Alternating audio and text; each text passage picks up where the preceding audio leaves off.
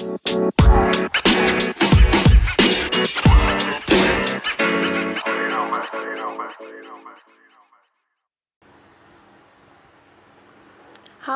assalamualaikum, selamat sore teman-teman semua. Jadi hari ini tuh kita uh, mau live bareng lagi nih untuk podcast kita minggu ini sama abang kakak alumni dari teknik lingkungan. Oke, mungkin langsung dimulai saja ya kak, bang. Iya, boleh. Untuk bisa. live ini. Ya, jadi assalamualaikum warahmatullahi wabarakatuh. Selamat sore abang kakak dan teman-teman semua yang sedang menonton juga. Uh, jadi hari ini ini tentunya kita kembali lagi dengan live dan juga podcast dengan judul uh, profesi teknik lingkungan di Indonesia saat ini. Nah, uh, untuk narasumber hari ini nih ada Kak Citra dan juga Bang Alen, uh, yakni alumni dari teknik lingkungan. Oke, okay. uh, mungkin untuk teman-teman semua, kalau misalkan uh, ingin bertanya, boleh langsung ditanyakan di komen ini dan nanti akan langsung kita bacakan. Uh, mungkin uh, pertama ini ini siapa? Iya. Iya. Uh, Kak Citra berarti Kak Citra dan Bang Alen berarti domisili sekarang di Jakarta atau di mana Kak? Bang. Saya Bogor.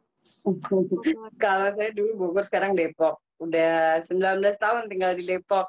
Udah jadi warga Depok. Tetangga lah ya. Tetangga.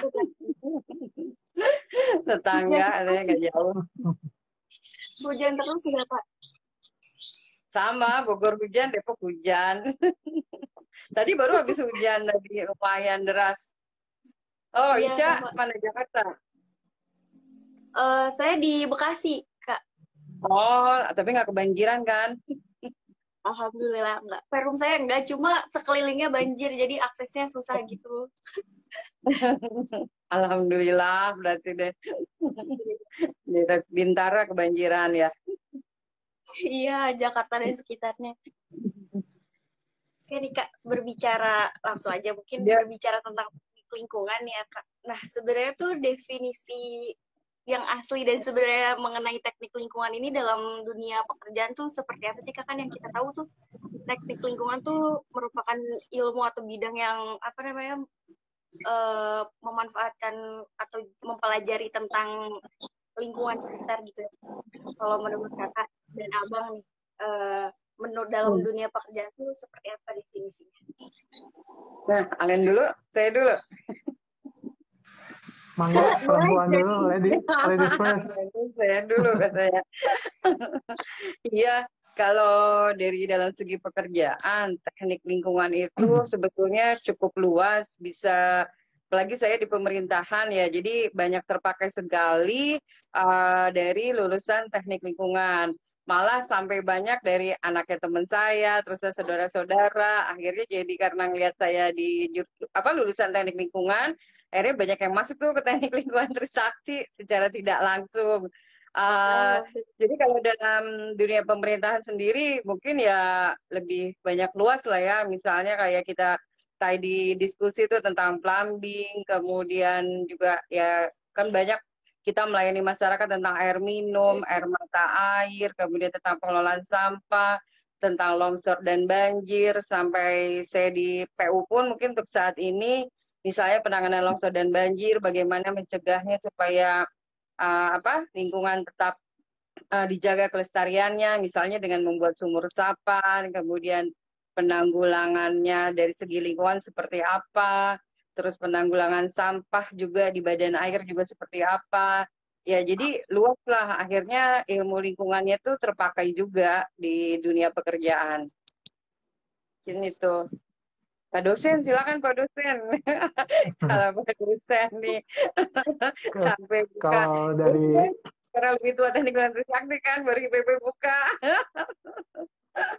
Kalau dari saya sih sebenarnya TL itu kan ini dari bahas dari bahasa akademik ya karena yeah. kan iya. saya memang eh, dosen gitu. Jadi kalau ingin membandingkan dengan uh, bidang pekerjaan yang lain ya itu bukan uh, cukup saya berbicara di situ gitu.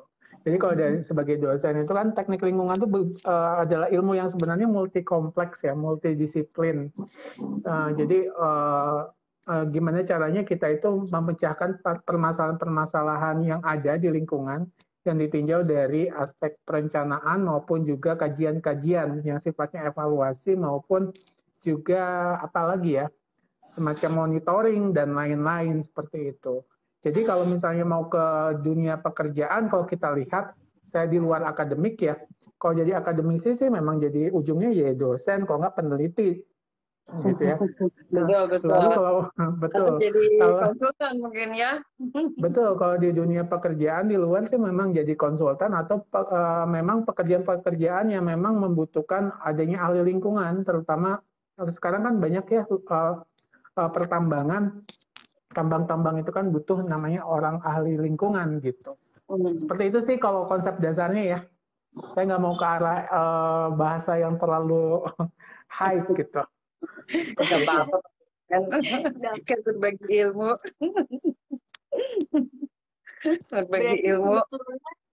Teknik lingkungan ini sangat dibutuhkan ya Bang Kak dalam profesi apa pun gitu ya. Jadi Betul. sangat bisa gitu sebenarnya. Iya, betul. Dalam pembangunan apa pun pasti misalnya dibutuhkan tenaga ahli, pasti ada ahli teknik lingkungan.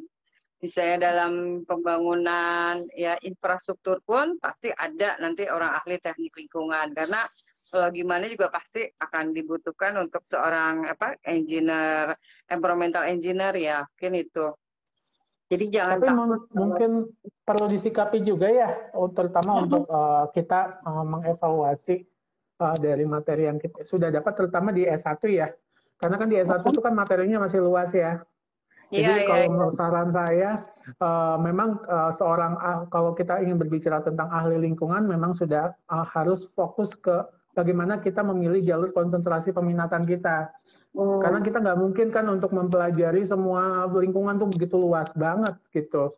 Jadi uh, ada spesifik ya, apakah ahli betul betul ahli, ahli sampah, air limbah, remediasi atau ahli apa gitu, seperti itu. Itu saran buat jurusan nanti. Iya, itu salah satu saran itu buat jurusan. Tapi kita memang nanti diarahkannya pada saat skripsi nanti ya akhirnya jadi nanti mengambil ahli apa ahli profesinya itu pada saat sudah deskripsi. Contoh ada teman skripsinya tentang apa pengelolaan licin sampah akhirnya jadi dia sekarang concern tentang sampah gitu mungkin betul. So sekal, eh, mungkin uh, selain skripsi juga mungkin ada jalur konsentrasi ya minat ya di semester semester tujuh gitu ya. Jadi memang minatnya ke mana berarti nanti ngambil uh, peminatan uh, mata kuliahnya nanti uh, berarti ke sat satu minat itu aja. Ini sih masukan aja ya iya jadi nggak pusing ya. Iya. Belajar. Sampai iya kayak saya KKP-nya dulu udara. Terus skripsinya tentang uh, apa namanya pengelolaan air minum. Iya begitu. Jadi memang belajar semuanya. Tapi mungkin pada saat kalau kayak saya, kalau di pemerintahan karena pindah-pindah dinas terus kan, nanti ada di dinas lingkungan hidup atau di dinas Trungkim atau di dinas PUPR. Jadi memang ilmu yang macam-macam itu ya alhamdulillah sih ada dipakai ya. ya dipakai. Mungkin kalau yang kayak spesifik kayak batu di batu bara atau di minyak teman-teman kayak gitu mungkin memang mereka harus apa?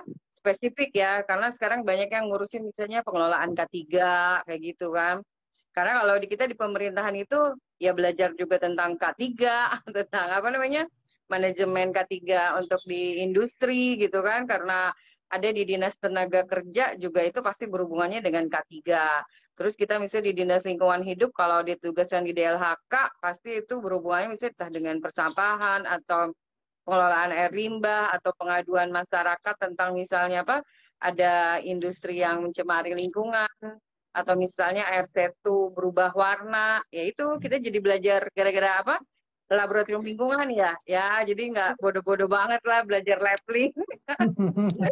Nah, ya minimal tahulah tentang parameter-parameter apa? Nah, air dan udara gitu kan. Kadang-kadang kan suka ada lah yang warga komplain. Misalnya tiba-tiba keruh atau ada yang komplain tentang uh, dari pabrik tahu tempe gitu kan di badan air gitu. Nah akhirnya kan kita ngambil sampling. Jadi kita tahu lah tentang oh parameter ini ini, ini tidak melebihi apa? Baku mutu ya enggak tulalit-tulalit banget deh. Minimal itu. Jadi minimal ada ilmu dasarnya lah. Jadi enggak pada saat apa berdebat dengan yang lain yang pada komplain atau protes uh, atau dengan yang orang peduli lingkungan kita masih oh ya ini ada bahwa ini parameternya memang melebihi batas apa uh, ambang batas atau masih di bawah parameter gitu mungkin. Ya contoh misalnya tadi kayak Alen bilang kan kita mungkin kayak apa sih ekologi ya belajar ekologi terus mikrobiologi kayak gitu. Kalau bagi saya sih mungkin di pemerintahan kepake juga ya Len. kayak misalnya sekarang di dinas PU kadang-kadang warga itu bertanya misalnya kenapa sih setu itu atau danau lah ya set kalau kita bilangnya setu itu banyak gulmanya gitu ya.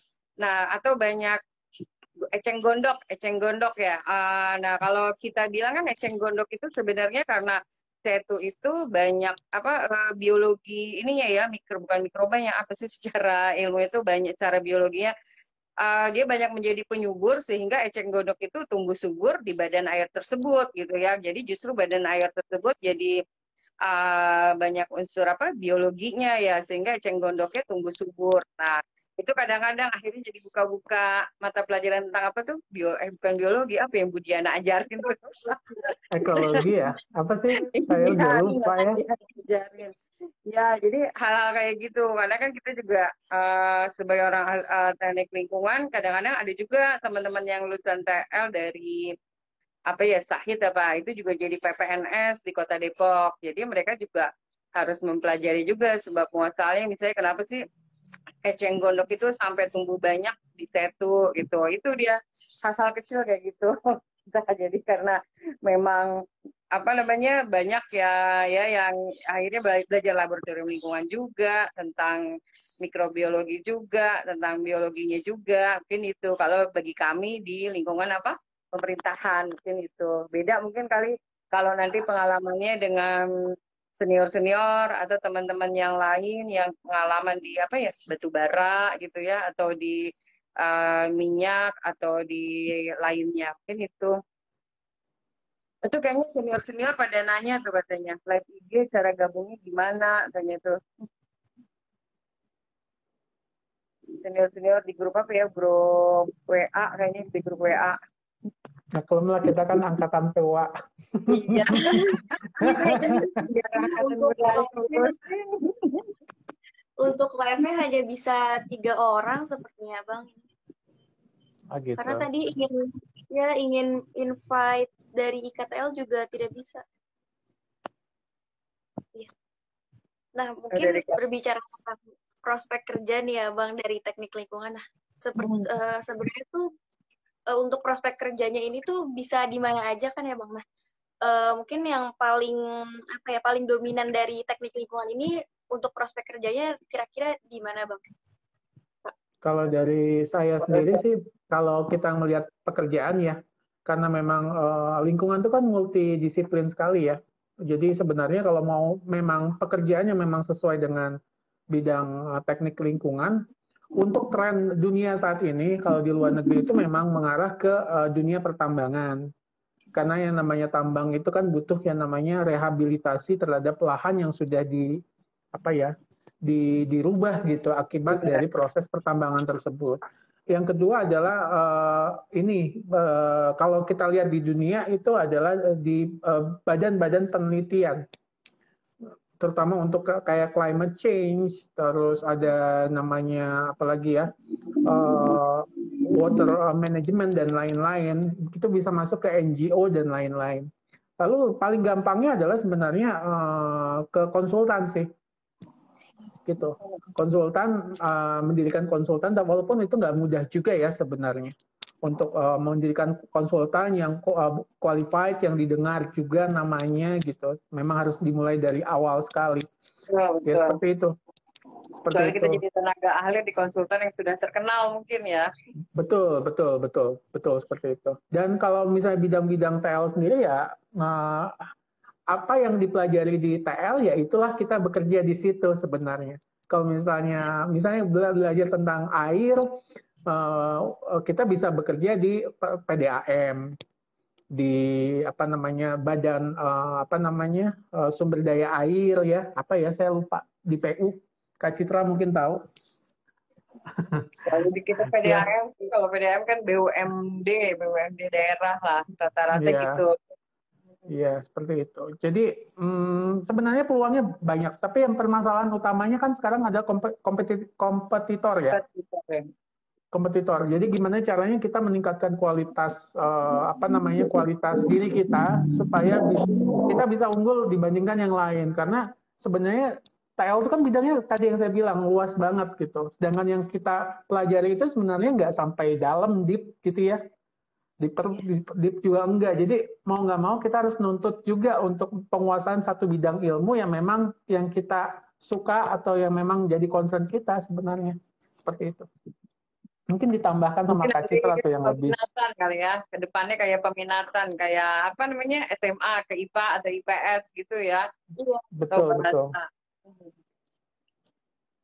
Nah, Bang, uh, berbicara tentang prospek kerja teknik lingkungan ya, Bang. Uh, sebetulnya apakah jika ingin, semisalkan uh, ingin melamar pekerjaan ke dinas atau PUPR seperti itu, nah itu apakah harus melalui tes CPNS atau uh, kita mengajukan mengirim surat lamaran melalui email atau kita perlu uh, melakukan tes CPNS seperti itu, Bang? harus mengikuti tes CPNS. Sekarang tuh tes CPNS itu nasional lah gitu sekarang. Jadi nanti so. biasanya ada kebutuhan dari tingkat kota atau kabupaten masing-masing daerah se-Indonesia. Nanti yang mengelolanya itu ada Badan Kepegawaian Nasional. Jadi nanti kita ikutan tes CPNS itu eh, serentak misalnya di hari Minggu seluruh Indonesia. Nanti dari situ kalau sekarang mekanisme seperti itu. Nanti dari situ kita lanjut eh, misalnya dari apa namanya yang masuk ke jurus uh, ikut uh, CPNS jurusan TL uh, Kota Depok misalnya ada 10 orang. Nanti dari 10 orang itu diseleksi lagi uh, oleh Badan Kepegawaian Nasional. Nanti tinggal lima. Nanti dari lima baru nanti diseleksi lagi berupa wawancara dan psikologi oleh uh, Pemda Depok. Jadi seperti itu sih kurang lebih. Kalau dulu kan diadakan masing-masing kota atau kabupaten. Kalau sekarang serentak seluruh nasional. Dan itu syaratnya sekarang uh, makanya nih kita harus ngomong juga ke dosen untuk meningkatkan uh, eh, IPK uh, apa namanya adik-adik nih beratnya jangan dipersulit lah ya mungkin. Soalnya sekarang untuk masuk CPNS biar lolos administrasi itu untuk sekolah uh, perguruan negeri itu 2,75 kalau untuk yang swasta itu 2,85 nah kemarin juga saya sempat nanya juga tuh kebetulan ada adik saya di sipil angkatan semester 6 saya bilang gimana nanti mau lolos apa secara administrasi CPNS sih kalau memang IPK-nya masih di bawah berapa? 2,75 gitu. Karena memang itu harus jadi persyaratan kalau pengen masuk CPNS karena contoh nih banyak juga Nah, seperti angkatan 97, itu TL 97 paling banyak di Departemen PU. Walaupun sekarang misalnya kayak Bang Abed sudah jadi kepala balai di mana uh, Pulau Riau, terus kemudian ada Reza sama udah di Pontianak kemudian banyak uh, juga banyak yang di apa udah jadi eselon 4 di departemen PU. Nah, kalau dulu mereka langsung bisa uh, ada pembukaan CPNS di departemen PU, itu udah uh, mereka bisa mendaftar. Tapi kalau sekarang kayaknya di departemen-departemen pun serentak. Dan itu kalau dulu IPK-nya masih 2,65 kalau nggak salah. Kalau sekarang tuh IPK yang kita perguruan swasta ini harus 2,85. Nah, itu mungkin nanti buat menjadikan catatan teman-teman himpunan untuk disampaikan ke dosen gitu ya. Gimana caranya biar lulusan TL ini bisa minimal lolos administrasi di CPNS gitu mungkin. So, saya ngebandingin ini ya, kita diskusi aja ya ngebandingin dengan institusi uh, pendidikan negeri ya. Karena kan saya sekarang bekerja di IPB, ya di teknik sipil dan lingkungan. Jadi sebenarnya potensi untuk uh, universitas swasta untuk berkembang jauh lebih uh, lebih baik itu uh, sekarang luar biasa asalkan memang dari sisi fasilitas uh, dan apa namanya uh, uh, peningkatan uh, kompetisi mahasiswa ya gitu pemahaman. Ada sesuatu yang harusnya berbeda sih kalau menurut saya. Jadi nggak jangan jangan semua TL itu uh, satu kiblat gitu loh kak kak Citra. Kalau satu kiblat semua, ya udah gitu.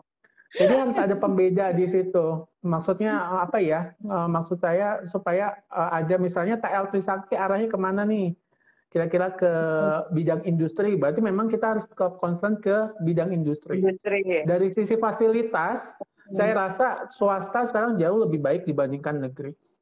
Karena kan untuk mendapatkan fasilitas uh, di negeri itu kan nunggu dari pemerintah uh, pemerintah lama gitu ya. Sedangkan kalau swasta kan uh, dari memang institusi aja gitu. Seperti itu. Jadi harusnya seperti kita kayak kita ngomong tentang kasusnya MIT dengan universitas yang sebenarnya uh, negeri tapi di Amerika gitu. MIT kan sebenarnya universitas swasta ya, tapi bisa berkembang pesat karena memang dari sisi pengembangan keilmuan maupun fasilitas yang diberikan ke mahasiswa itu luar biasa bagus. Gitu. Jadi nggak usah minder ya kalau mau saya. Swasta tuh harus tapi harusnya lebih. Kalau kata, tapi kalau kata adik saya gini juga, tenang aja teh katanya beda kok walaupun IPK kita katanya kecil uh, masih 2,65 atau 2,55 tapi katanya beda katanya memang sih terus terang aja beda memang kita skripsinya kita aja udah kayak tesis luar biasa skripsinya kita udah kayak tesis tapi luar biasa ya uh, dulu apa memang sih dosen-dosen di Trisakti ya terutama itu kan mempus kita untuk tugas besar aja kan kita kerjain sendiri ya kak ya. Betul. Jadi oh, dalam satu semester itu kita ngerjain tugas besar itu luar biasa banyak gitu ya. Kalau di pendidikan institusi lain itu uh, nggak kayak gitu. Bisa tugasnya itu berkelompok gitu. Jadi yeah. ada ada semacam apa ya ketangguhan dari sisi karakter kita tuh uh, kalau saya saya memuji Trisakti, TL Trisakti itu ada pembentukan karakter apa ya kita untuk berusaha gitu ya sendiri itu luar biasa kalau menurut saya gitu itu itu Benar. kerasa banget lah kerasa banget dan harus mengejar deadline ya kan harus mengejar Betul. deadline tepat waktu jam 12 siang tank kalau enggak ditinggalin itu benar-benar akhirnya jadi memang importnya kita semangatnya kita untuk apa namanya maju itu ya bukti kan contohnya ada Kak Alen angkatan 2000 sekarang sudah jadi sekretaris program malah kurikulum di IPB ya bangga juga lah itu.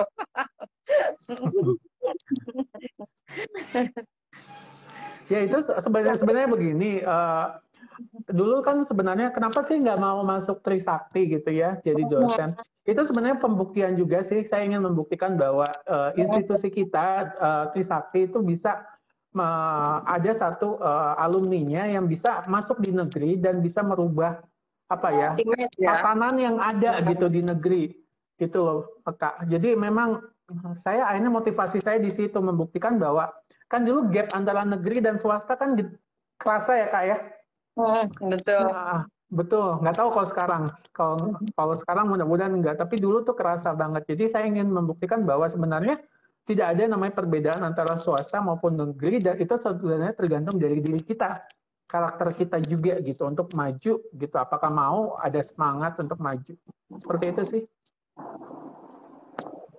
mungkin untuk teman-teman yang baru join ataupun sudah join apabila ada yang ingin ditanyakan nih terkait profesi di bidang teknik lingkungan khususnya boleh langsung disampaikan melalui komen nanti akan dibacakan. Jadi kita sistemnya seperti itu aja ya bang kak sekaligus diskusi. Oke, iya. Iya, kalau mungkin cerita sedikit dulu almarhumah ibu saya tuh sempat tanya, emang kalau teknik lingkungan nanti kerjanya gimana?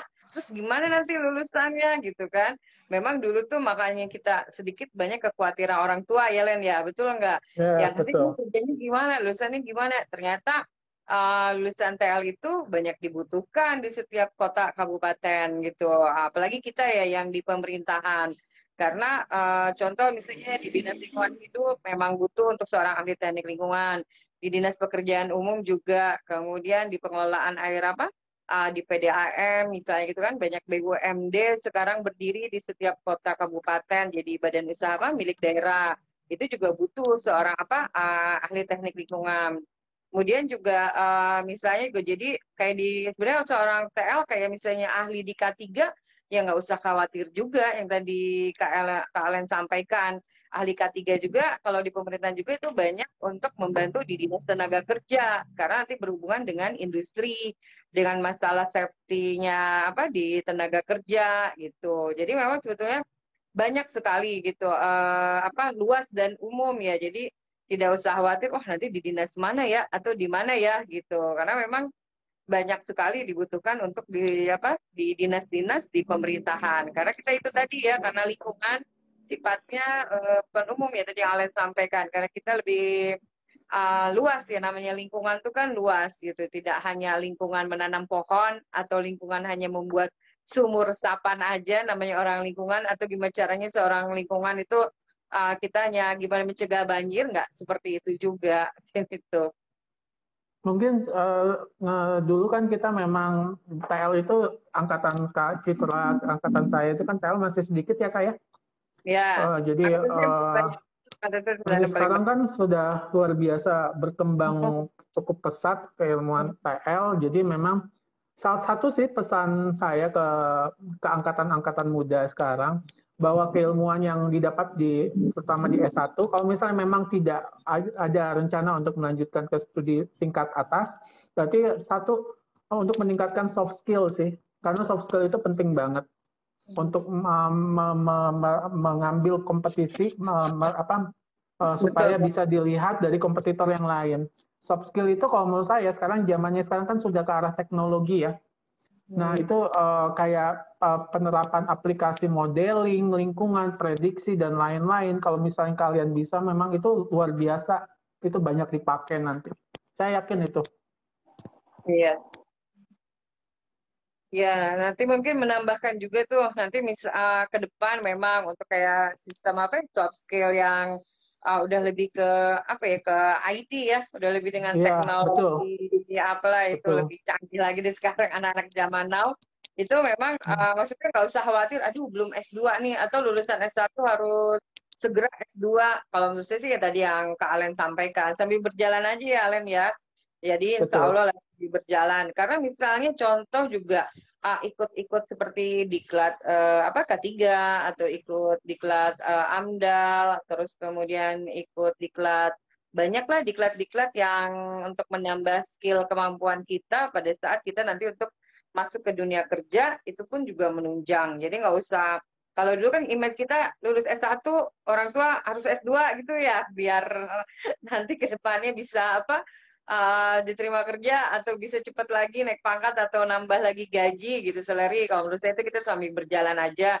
Yang tadi kalian bilang soft skillnya. Kemudian mungkin setelah lulus boleh ikutan misalnya bintek-bintek atau diklat-diklat kayak AMDAL, K3 atau apa tuh pernah Mas Walda sampaikan tuh banyak sebetulnya ilmu-ilmu yang bisa diperoleh secara cepat gitu. Dan mungkin ini ya penguasaan programming sekarang itu sangat butuh dibutuhkan ya di dunia teknik lingkungan seperti penguasaan apa namanya software-software yang memang uh, aplikatif gitu.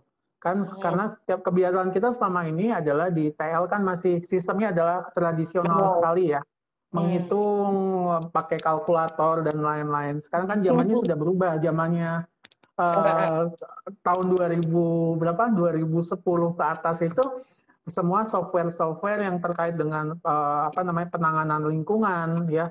Terus penguasaan programming seperti Visual Basic Application terus apalagi MATLAB itu harusnya sebenarnya sudah menjadi concern uh, kita ya di TL gitu supaya uh, kita nggak ketinggalan. iya nggak ketinggalan kak. Karena saya ngelihat di iya kita ngelihat di uh, ngelihat di luar negeri itu semua udah uh, apa namanya mahasiswa tuh udah terbiasa dengan namanya kita menguasai VBA, MATLAB, terus SolidWorks dan lain-lain gitu. Dan itu mungkin ya itu salah satu ya untuk meningkatkan soft skill itu ke arah programming gitu ya. Seperti itu kita dulu hanya Excel masukkan data. Atau SPS apa SPS yang sistem itu apa tuh hmm. namanya? Untuk apa tuh SPS itu gue dapat datanya untuk dulu statistik dari, statistik ya. Eh, statistik dari apa dari institusi lain. Iya sekarang udah banyak lebih apa namanya? Lebih canggih memang software-softwarenya. Mungkin lebih udah mulai banyak ke arah situ ya kalau sekarang. Kalau kita dulu masih manual, gambar aja masih pakai rotring. Kalau sekarang kan gambar ya. udah pada pakai, pakai AutoCAD ya, AutoCAD. Ya, udah pakai AutoCAD, ya kan? Zaman saya itu pakai rotring kak. Rotring masih pakai rotring sama kertas kakir. rotring kak. Iya, rotring. Roternya dari 0,1 sampai 0, berapa tuh? Uh, eh, 5 ya, Len. Kalau patah itu semuanya, aduh udah panik deh. Nanti di pakai silet. Iya, bisa pakai silet. Kalau sekarang udah canggih lah, udah serba semua ada ya tuh yang tadi Pak Dusen sampaikan. Jadi, uh, iya, jadi saya kalau ngajar di di uh, di kan di sini bukan uh, jurusan ya, di sini kan divisi. Jadi uh, teknik lingkungan di sini kan masuk ke arah pendukung teknik sipil, jadi ke arah infrastruktur lingkungan. Jadi hmm. saya mempunyai inovasi gimana caranya mahasiswa itu uh, punya soft skill-nya ke arah uh, bagaimana uh, memecahkan permasalahan lingkungan, tapi masuk ke arah impact-nya gitu loh. Ke arah misalnya uh, penggunaan, uh, gimana buat program, program dasar basic dan lain-lain gitu. Itu dibuat di situ dan mereka buat gitu. Kalau kita kan dulu ngitung pakai ngitung manual aja kan ya Kak Citra ya. Kalkulator itu nah, ya apa canggihan nah, sinus sinus tangan itu loh yang kalkulator nah, itu. itu. seperti. nah sekarang gimana caranya supaya mahasiswa itu nggak ke situ lagi tapi memang ke arah yang sudah ke arah programming bisa menguasai hmm. satu program yang memang aplikatif untuk uh, dunia mereka di teknik lingkungan gitu mungkin terkait itu harus ada pelatihan-pelatihan mungkin ya Bang betul, Kak untuk betul. program. Iya, betul. Jadi uh, saran saya ke HMJ uh, eh, Trisakti itu harusnya ada pelatihan-pelatihan yang arahnya ke peningkatan soft skill itu. Misalnya ada pelatihan uh, MATLAB, pelatihan uh, Visual Basic, pelatihan misalnya apalagi ya software-software yang memang untuk mendukung uh, peningkatan dari kemampuan kalian gitu ya untuk tidak Jadi hanya manual aja nantinya gitu kalau kayak misalnya apa kan ke arah infrastruktur ya, berarti kayak perencanaan Betul. air minum kayak gitu ya, Betul. terus ya perencanaan perpipaan air kotor ya kan, plumbing berarti sudah membuat yeah. menggunakan sistem apa software aplikasi itu ya? software, ya. Iya. Hmm. Jadi kalau misalnya di Drainase ada program namanya SewerCat, ada yang uh, apa Water WaterCat dan lain-lain itu semuanya sudah ada. Walaupun memang kita tidak memungkiri bahwa kita juga harus paham juga konsep dasarnya gitu. Tapi kita juga jangan juga terpaku pada pola yang memang sudah tradisional, kita terusin gitu loh. Jadi harus ada pembaruan di situ.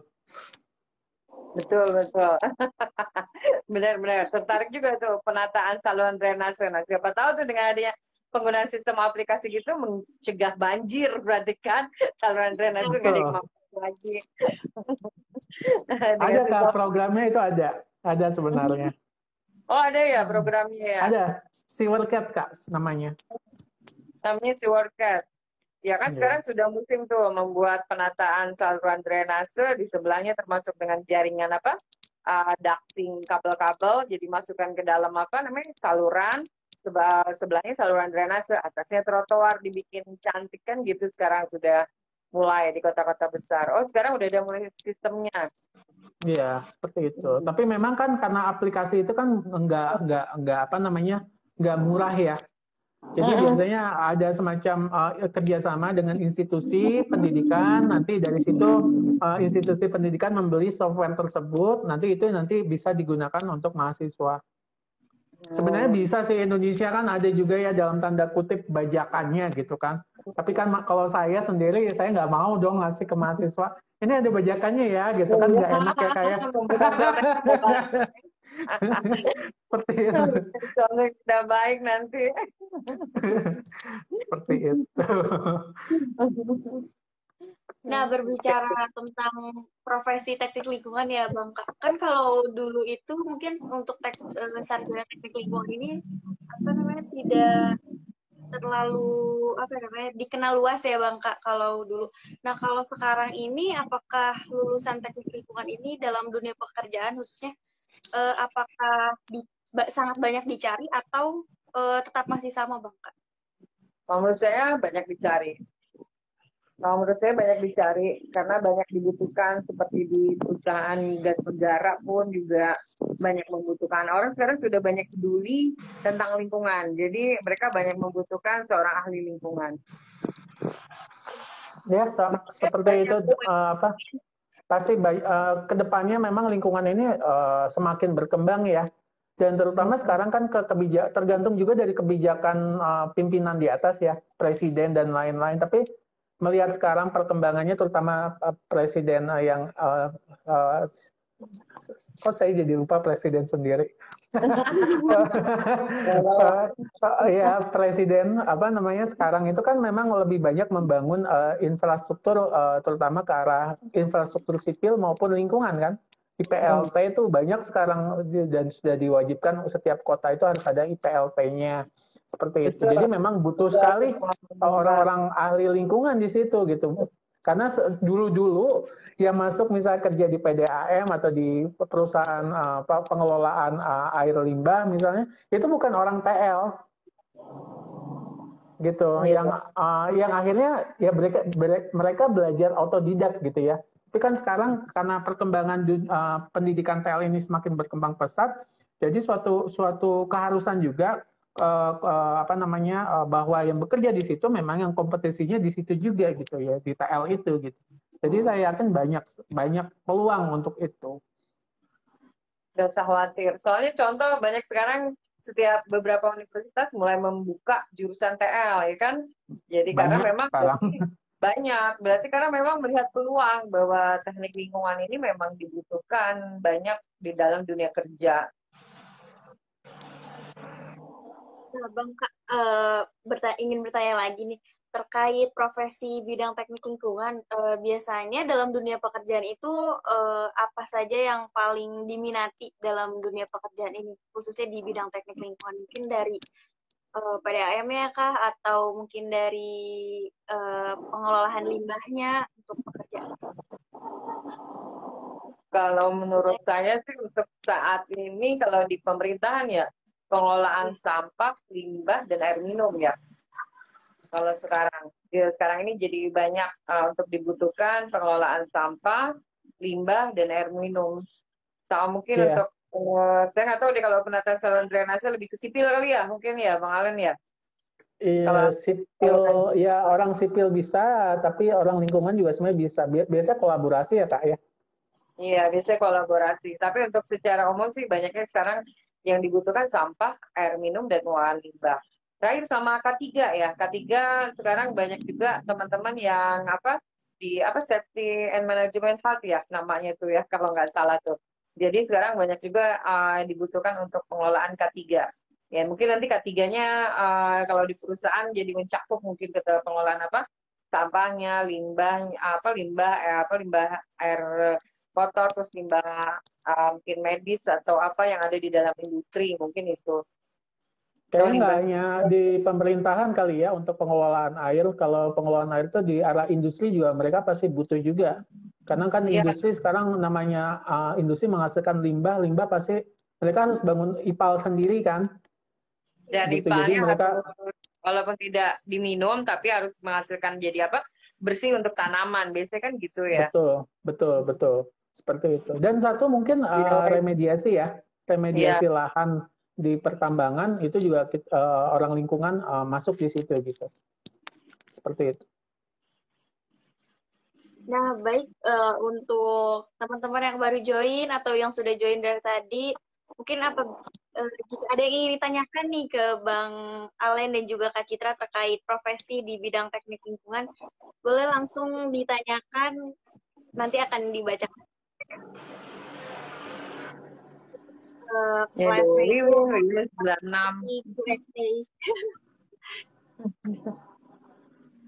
nah, uh, berbicara tentang teknik lingkungan dulu nih Abang. Waktu zaman Abang dan Kakak nih, uh, apakah sudah menggunakan AutoCAD atau belum bang? Atau masih sama rotring seperti itu? Belum, masih rotring. Belum. AutoCAD mah baru dikenalkan aja pas saya udah kerja tahun 2003 atau 2005 ya.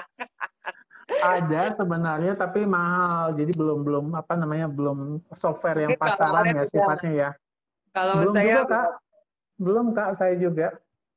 saya belum. Saya baru kenal AutoCAD tuh kerja tahun 2003-an kalau nggak salah. Betul. Jadi uh, memang perkembangan dunia kan memang cukup uh, signifikan ya, terutama ilmu ya. ya. Gitu. Jadi uh, tadi makanya uh, kalau memungkinkan uh, di teman-teman di TL Trisakti uh, di HMJ-nya coba adakan semacam uh, apa namanya pelatihan pelatihan untuk peningkatan uh, soft skill ke arah programming dan lain-lain. Dan itu penting sih menurut saya untuk zaman sekarang ya. Jadi kita nggak nggak hanya cuman teori aja tapi uh, ke ke arah yang uh, apa namanya il, keilmuan yang lain itu enggak tuh kayaknya kurang ya. Hmm. Iya betul. Karena orang sekarang ngelihat nggak hanya itu sih kak IPK tinggi banyak juga yang nganggur kok sekarang. karena itu tangan. iya, karena ya itu ke, karena kebanyakan uh, mereka kalah karena uh, dari sisi penguasaan kemampuan soft skillnya itu kurang gitu. Nah, berbicara tentang programming ya Bang, kebetulan kemarin juga dari Himpunan Teknik Lingkungan ini baru menyelenggarakan oh. uh, pelatihan AutoCAD dan juga pelatihan Fitur Bang. Nah, nanti tanggal 27 ini akan ada pelatihan EPANET gitu Bang. Oh. Keren deh tuh. Pelatihnya dari mana? Apa namanya? Dos eh, dosennya maksudnya uh, coachnya? Untuk pelatihan AutoCAD itu dari luar, Bang, Kak. Hmm. lain gitu. Jadi nanti kami mengundang gitu. Nah, untuk pelatihan piper ini kemarin itu untuk materinya ini dari Bu Astri, Kak. Hmm, oh. oke. Okay. Oke. Okay. Lalu ya Epanet? Epanet udah keluar yang baru loh. Epanet 2,2. Udah tahu belum? Ya, Jadi harus ya. harus harus update ya yang lama, programnya. Yang ya. lama aja nggak pinter. yang update nggak paham, udah mau keluar lagi yang baru ya Allah. Enggak, udah keluar kak, udah keluar, udah lama juga sih keluar, sebenarnya. Ya? Udah, gitu. Untuk Epanet ini kemarin itu untuk pematerinya ini dari dosen teknik lingkungan yaitu Bu Ami, Bang Kak. Oh, oke. Okay. Oke. Okay ya uh, di, di ini aja di maksudnya ditingkatkan gitu. Jadi pelatihan itu kan gak hanya sekali ya tapi harus uh, berkali-kali gitu atau dua atau tiga kali gitu. Dan harusnya sih diaplikasikan ke tugas kalian tugas uh, apa namanya laporan tugas besar atau apa pun gitu ya. Harus menggunakan ke arah uh, penguasaan uh, teknologi seperti itu gitu ya itu karena dunianya udah beda. Dunia saya dengan dunia uh, sekarang TL tuh udah beda banget gitu. Jadi mm, karena saya dosen ya kacit kacit saya jadi gimana caranya dosen itu dosen itu dipus kak. Dipus gimana caranya harus mampu uh, up to date gitu. baru ya yang terbaru yang baru gimana? Kan asalnya suka nggak suka akhirnya ya gimana ya oh ya gitulah gitu iya, itu. beda kalau sama kita kan jadi akhirnya masih aja ilmunya yang lama. Padahal ternyata sudah update yang canggih. Pantesan aja ya kalau ngajarin anak SD, SMP, SMA udah nggak bisa ngikutin. betul, betul. Udah udah beda gitu.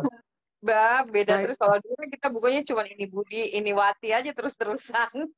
Nah itu juga uh, saya juga menginginkan juga ini cuman ini aja ya untuk uh, teman-teman di Trisakti ataupun uh, yang lain sih sebenarnya.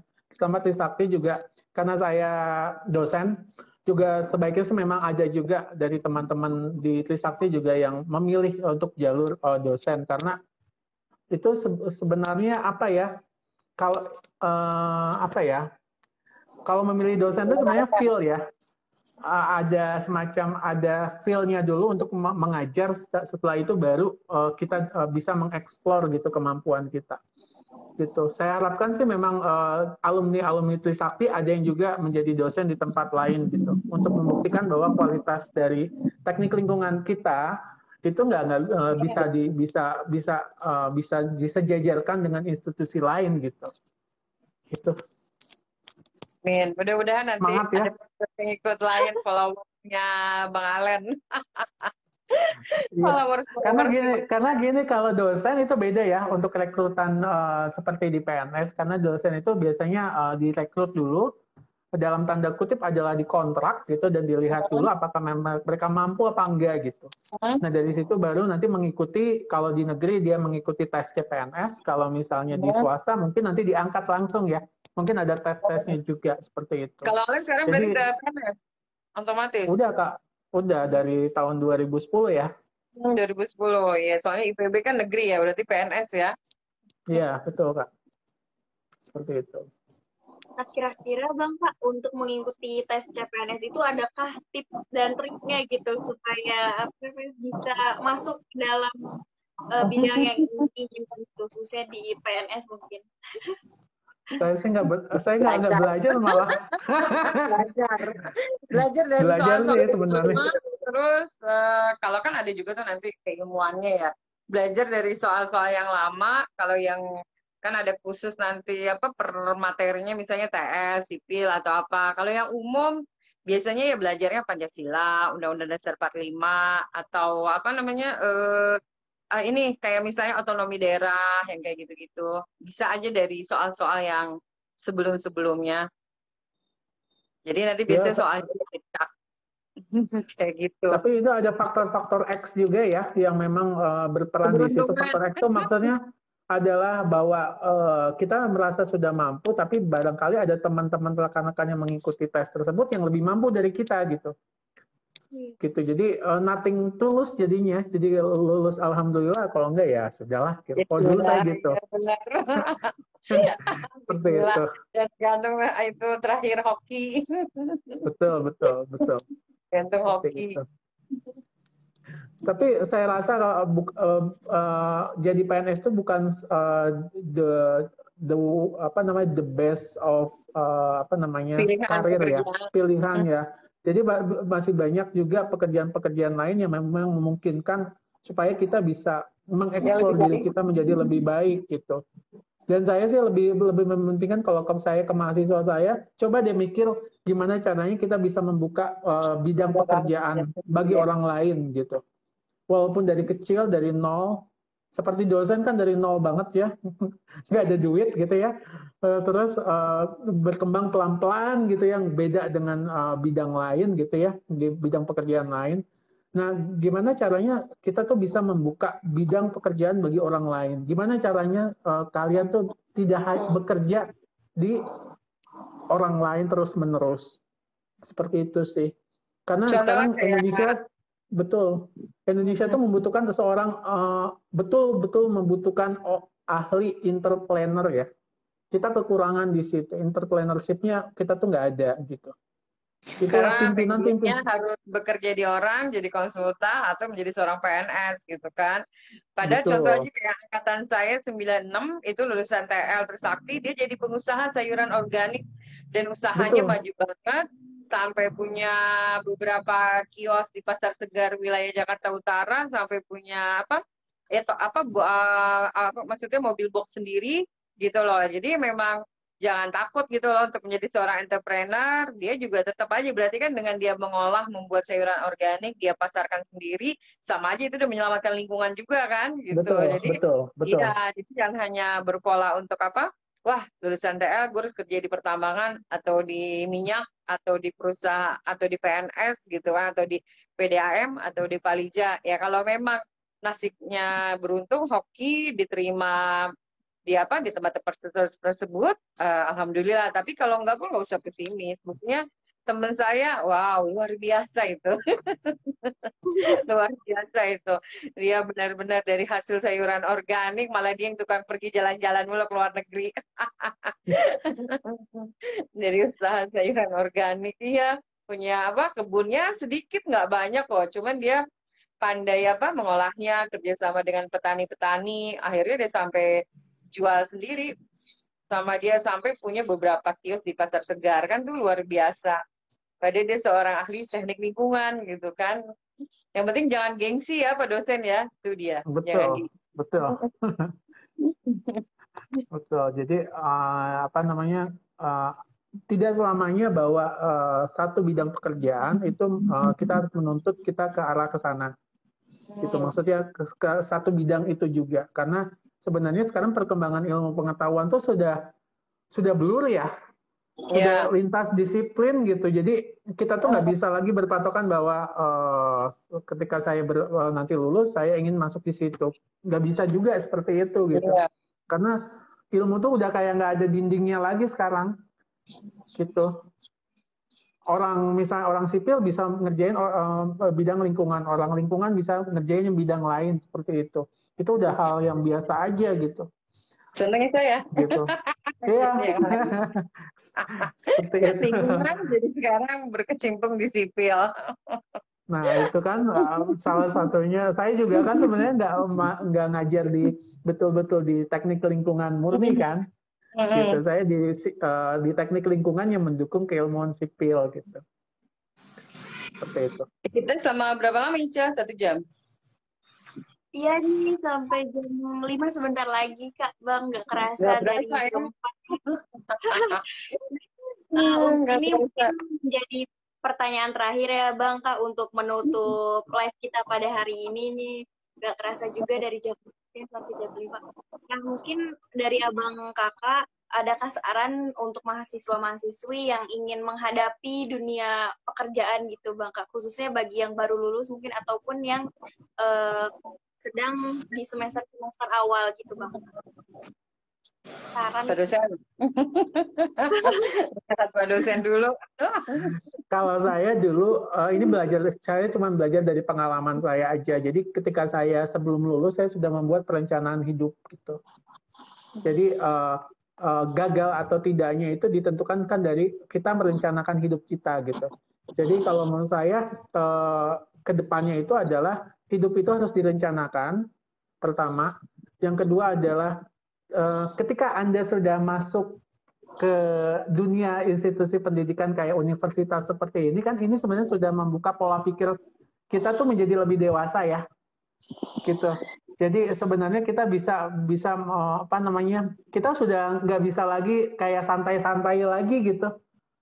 Ya ber, bo, boleh santai tapi maksudnya tidak lagi seperti zamannya anak sekolah dan lain-lain kan gitu. Betul. Jadi memang di sinilah kita sudah uh, kalau menurut saya titik keberhasilan hidup itu saya belum berhasil sebenarnya. Saya baru mau men, meniti.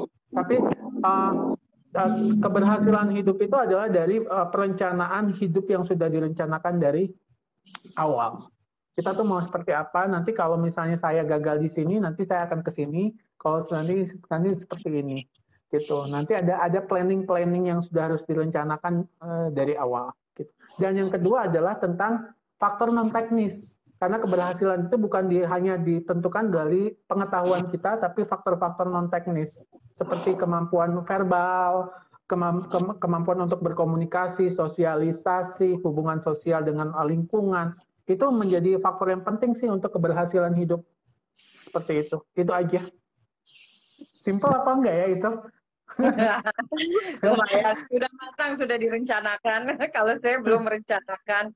Yang pasti sih kalau menurut saya untuk adik-adik yang sedang mau lulus, yang udah lulus wisuda kemarin, atau yang baru masuk kuliah semester 1, pertama selalu optimis. Uh, jadi jangan berkecil hati. Oh nanti gue jurusan TL kerja di mana kerja di mana. Banyak sekali peluang kerja di depan mata yang banyak membutuhkan seorang uh, apa ahli teknik lingkungan. Kemudian yang kedua yang tadi Mbak Alen sampaikan uh, apa namanya ya kita harus membuat juga uh, perencanaan yang matang ya walaupun tidak matang tapi minimal ya tadi saya bilang harus optimis. Kalau kita melangkah kepada misalnya jalur CPNS kita nggak dapat, ya kita siapa tahu ternyata rezeki kita, peluang kita ada di tempat lain. Ternyata siapa tahu peluang kita kita adalah menjadi seorang entrepreneur. Kita kan nggak tahu gitu ya nasib uh, kita. Yang ketiga ya mungkin walaupun dibilang faktor hoki keberuntungan, tapi kita tetap harus berdoa. Jangan lupa untuk selalu berdoa. Betul. Karena kalau kita Betul. berdoa pasti uh, ya uh, apa namanya akan ada jalannya masing-masing. Jadi jangan optimis apa pesimis ya itu aja yang penting jangan pesimis. Terakhir jangan gengsi. Nah, itu jangan gengsian untuk kita ditempatkan kerja di mana atau terus kemudian wah atau kita ditempatkan kerja jauh di Papua Kalimantan sana sementara padahal banyak peluang di daerah sana gitu ya. Karena terus terang secara pribadi saya dulu waktu jadi CPNS saya itu dulu jadi ajudannya kepala dinas uh, bikin apa namanya uh, nota dinas, kemudian bawa-bawa tas laptop uh, setiap rapat, teng teng teng teng, kemudian bikin apa namanya bagi snack, saya sempat jadi bendahara juga, saya sempat ya pokoknya benar-benar yang jadi staff seperti PNS yang hanya lulusan SMA atau yang lainnya itu semua saya lakukan. Jadi tidak mudah tiba-tiba saya menjadi seperti sekarang lah gitu ya. Orang lihatnya hanya enaknya aja mungkin di depannya. Padahal tuh waktu saya masuk CPNS 2001 pun itu perjuangannya yang luar biasa sampai akhirnya saya dipercaya oleh pimpinan gitu kan untuk posisi seperti sekarang. Jadi itu tadi pokoknya harus tetap optimis untuk tetap semangat, kemudian jangan lupa berdoa dan terakhir jangan gengsi. Itu aja. Karena jangan dan humble ya. Kenapa? Humble dengan orang gitu. Ya, Jadi kita uh, orang. Well, ya. Jadi jangan jangan apa namanya kita hanya berkomunikasi mau berkomunikasi dengan yang levelnya adalah setara dengan kita atau yang di atas kita. Ya. Kadang-kadang kita membutuhkan uh, level uh, orang yang justru jauh di bawah kita. Jadi saya tuh suka banget ngobrol dengan pedagang, uh, hmm. ngobrol dengan satpam dan lain-lain. Ya, Walaupun itu mungkin nggak berarti ya di, di karir kita, tapi itu jadi faktor sih kalau saya ya uh, kita tuh lebih ya. lebih membumi gitu ya dan juga jangan berbangga juga dengan keilmuan yang kita dapat. Karena makanya saya tuh nggak orang yang lebih pintar. makanya saya tuh nggak suka kak. Saya tuh ngeja orang Indonesia kan cantum-cantumin uh, apa namanya uh, gelar ya. Yeah, so, oke okay yeah, lah gelar gelar itu oke okay lah ya pada satu momen tertentu. Tapi tidak selamanya harus mencantumkan gelar semuanya sampai kawin pun dicantumin gelar gitu. Gitu loh. Jadi kayaknya jadi uzon gitu ke orang. Jadi kalau saya melihat karena gelar itu kan cuma membatasi limit studi kita aja gitu. Dengan studi kita kita ya, dapat semacam betul. Kalau memang diperlukan aja diperlukan. Betul. Tapi memang uh. awalnya saya juga tidak pernah pakai gelar-gelar kayak gitu kan. Tapi terus lama-lama uh. ya ada juga sih orang yang ini gimana ya. Kadang-kadang kok jadi malah ya, maaf, maaf ya gitu ya. Malah kok jadi malah ke kita. Pasti gitu kan Lam ya. Iya, iya betul betul betul. Ah, kadang-kadang harus kita sekali-kali nih gue tonjolin juga nih biar dia tahu siapa gue gitu deh. Jadi akhirnya bukan bukan sombong. Habis kadang-kadang kita yang ya adalah orang yang merasa gimana itu kan. Jadinya kadang-kadang kadang kita tidak memakai apa gelar atau sedikit gimana pun ya akhirnya jadi apa ya ngenyek lah kalau saya bahasa saya. Karena mungkin level sosial kita memang masih berbeda ya dengan di luar negeri ya. Karena di luar negeri kan uh, apa namanya gelar itu kan bukan sesuatu yang harus ditampilkan ya, ya. seperti itu. Oh, jadi uh, ya intinya adalah jangan uh, terlalu takabur lah dengan segala sesuatu yang kita sudah peroleh. Itu aja sih intinya. Iya. Pokoknya itu dia tadi jangan gengsi dan jangan mentang-mentang kadang-kadang mohon maaf nih, oh gue lulusan Trisakti nih, oh, apa namanya gengsi nih ngerjain kayak gitu-gitu. Ya yang penting jangan pernah gengsi gitu. Kita memang untuk berjuang itu untuk menjadi sebuah, sebuah posisi yang kita inginkan, mungkin kayak Bang Alen juga pasti kita semua berangkat dari nol. Bener nggak Bang Alen? Ya kan? Betul. Pasti Bang Alen betul. Tuh, iya, contoh dari asrot, mulai dari asisten operator, sampai wah pokoknya sampai lulusan kalau dipikir saya juga sempat jadi bendahara di dinas juga gitu kan berarti banyak hal memang yang kita semua dari kerjakan dari nol gitu mungkin itu buat adik-adik karena anak-anak zaman now itu begini kadang-kadang nih kalau pada masuk CPNS ini Bang Alen jadi mereka merasa itu bukan tupoksinya, tugas pokok mereka. Gue nggak mau ngerjain gitu loh. Jadi gue mau hmm. ngerjainnya yang tugas pokok gue aja katanya. Itu mah bukan tugas gue. Padahal kalau secara ini di PNS itu ya kita jadi orang harus serba bisa karena kita apalagi di daerah ya di kota atau kabupaten itu kita bisa keliling muter ditempatkan di dinas mana saja gitu kecuali mungkin betul, kalau yang betul. di pusat di departemen-departemen mungkin itu bisa mereka memang lebih spesifik ya kayak teman-teman lah yang angkatan 96, 97 itu mereka memang lebih spesifik sudah ditempatkan sesuai dengan apa keahliannya masing-masing. Tapi kalau PNS di kota atau kabupaten di daerah itu kita bisa dikeliling itu ditempatin di mana aja. Ya walaupun memang bisa masih sedepok, tapi kita bisa di lingkungan hidup atau di dinas tenaga kerja atau di dinas pemadam kebakaran atau di dinas mana pun bukan hanya dinas teknis juga bisa kita ditempatkan gitu. Itu jadi memang kita harus bisa menguasai bidangnya yaitu tadi jangan merasa takabur yang Bang Alen bilang karena kita merasa pintar atau ahlinya tapi kita mau belajar sama orang lain lebih humble lah gitu mungkin. Karena Nah, namanya be- eh, belajar itu kan nggak ada limit ya kak ya. Ya, betul. Kita akhirnya ket- ketika kita belajar satu keilmuan kita tuh merasa hampa loh. Maksudnya apa? Iya. Ilmu tuh luas banget gitu. Jadi kita nggak bisa ngejawab apa pun juga di ujungnya gitu. Betul. Gitu. Tadi ada Bang Isto bergabung. Bang Isto ini PNS di Maumere sana dia. Dia kepake nih ilmu lingkungannya karena di sana banyak butuhkan air bersih di sana. dia udah ini juga tuh sudah menduduki salah satu apa, jabatan di Kabupaten apa Maumere apa apa Isto. Iya.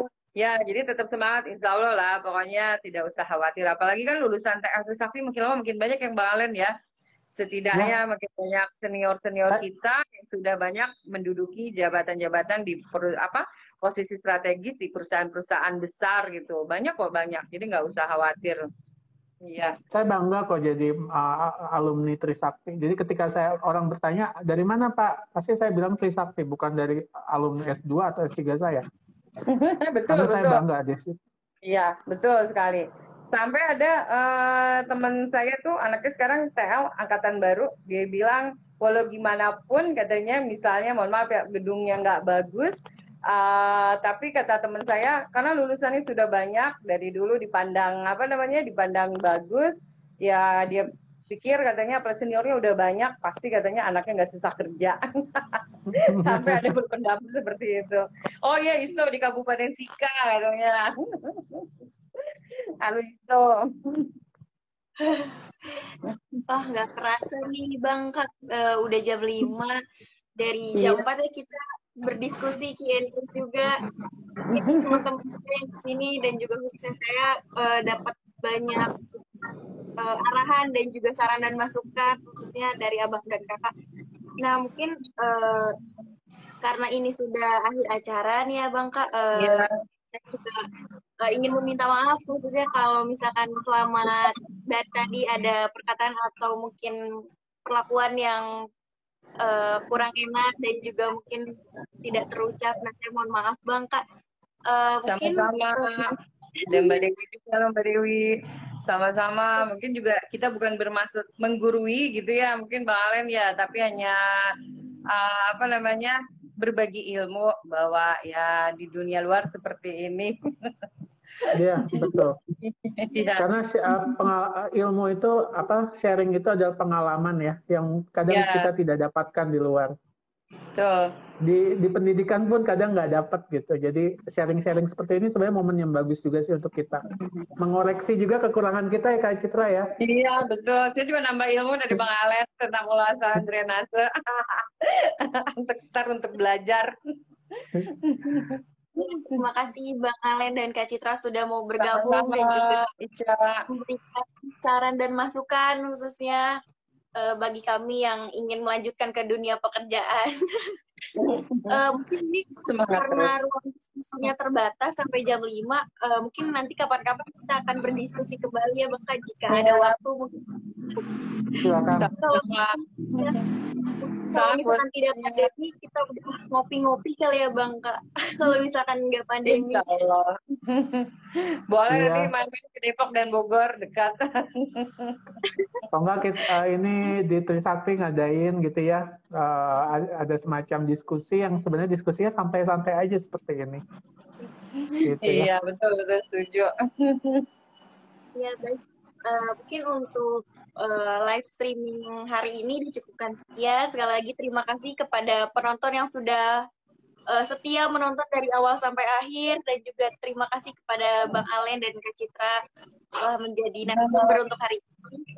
Semoga ilmu yang disampaikan hari ini dapat bermanfaat untuk kita semua. Eh, Amin. sekian yang dapat saya sampaikan. Wassalamualaikum warahmatullahi wabarakatuh. Waalaikumsalam. Waalaikumsalam warahmatullahi wabarakatuh. Sama Jen pamit. Alen sampai ketemu nanti. Ya, kapan-kapan ya Kak kita ketemu ya. Kalau udah Sip. pandeminya udah ini. Iya, saya mampir kalau ke Bogor. Ya, sip. Iya, salam buat semuanya. Assalamualaikum. Iya. Ya, Waalaikumsalam. sehat semua ya.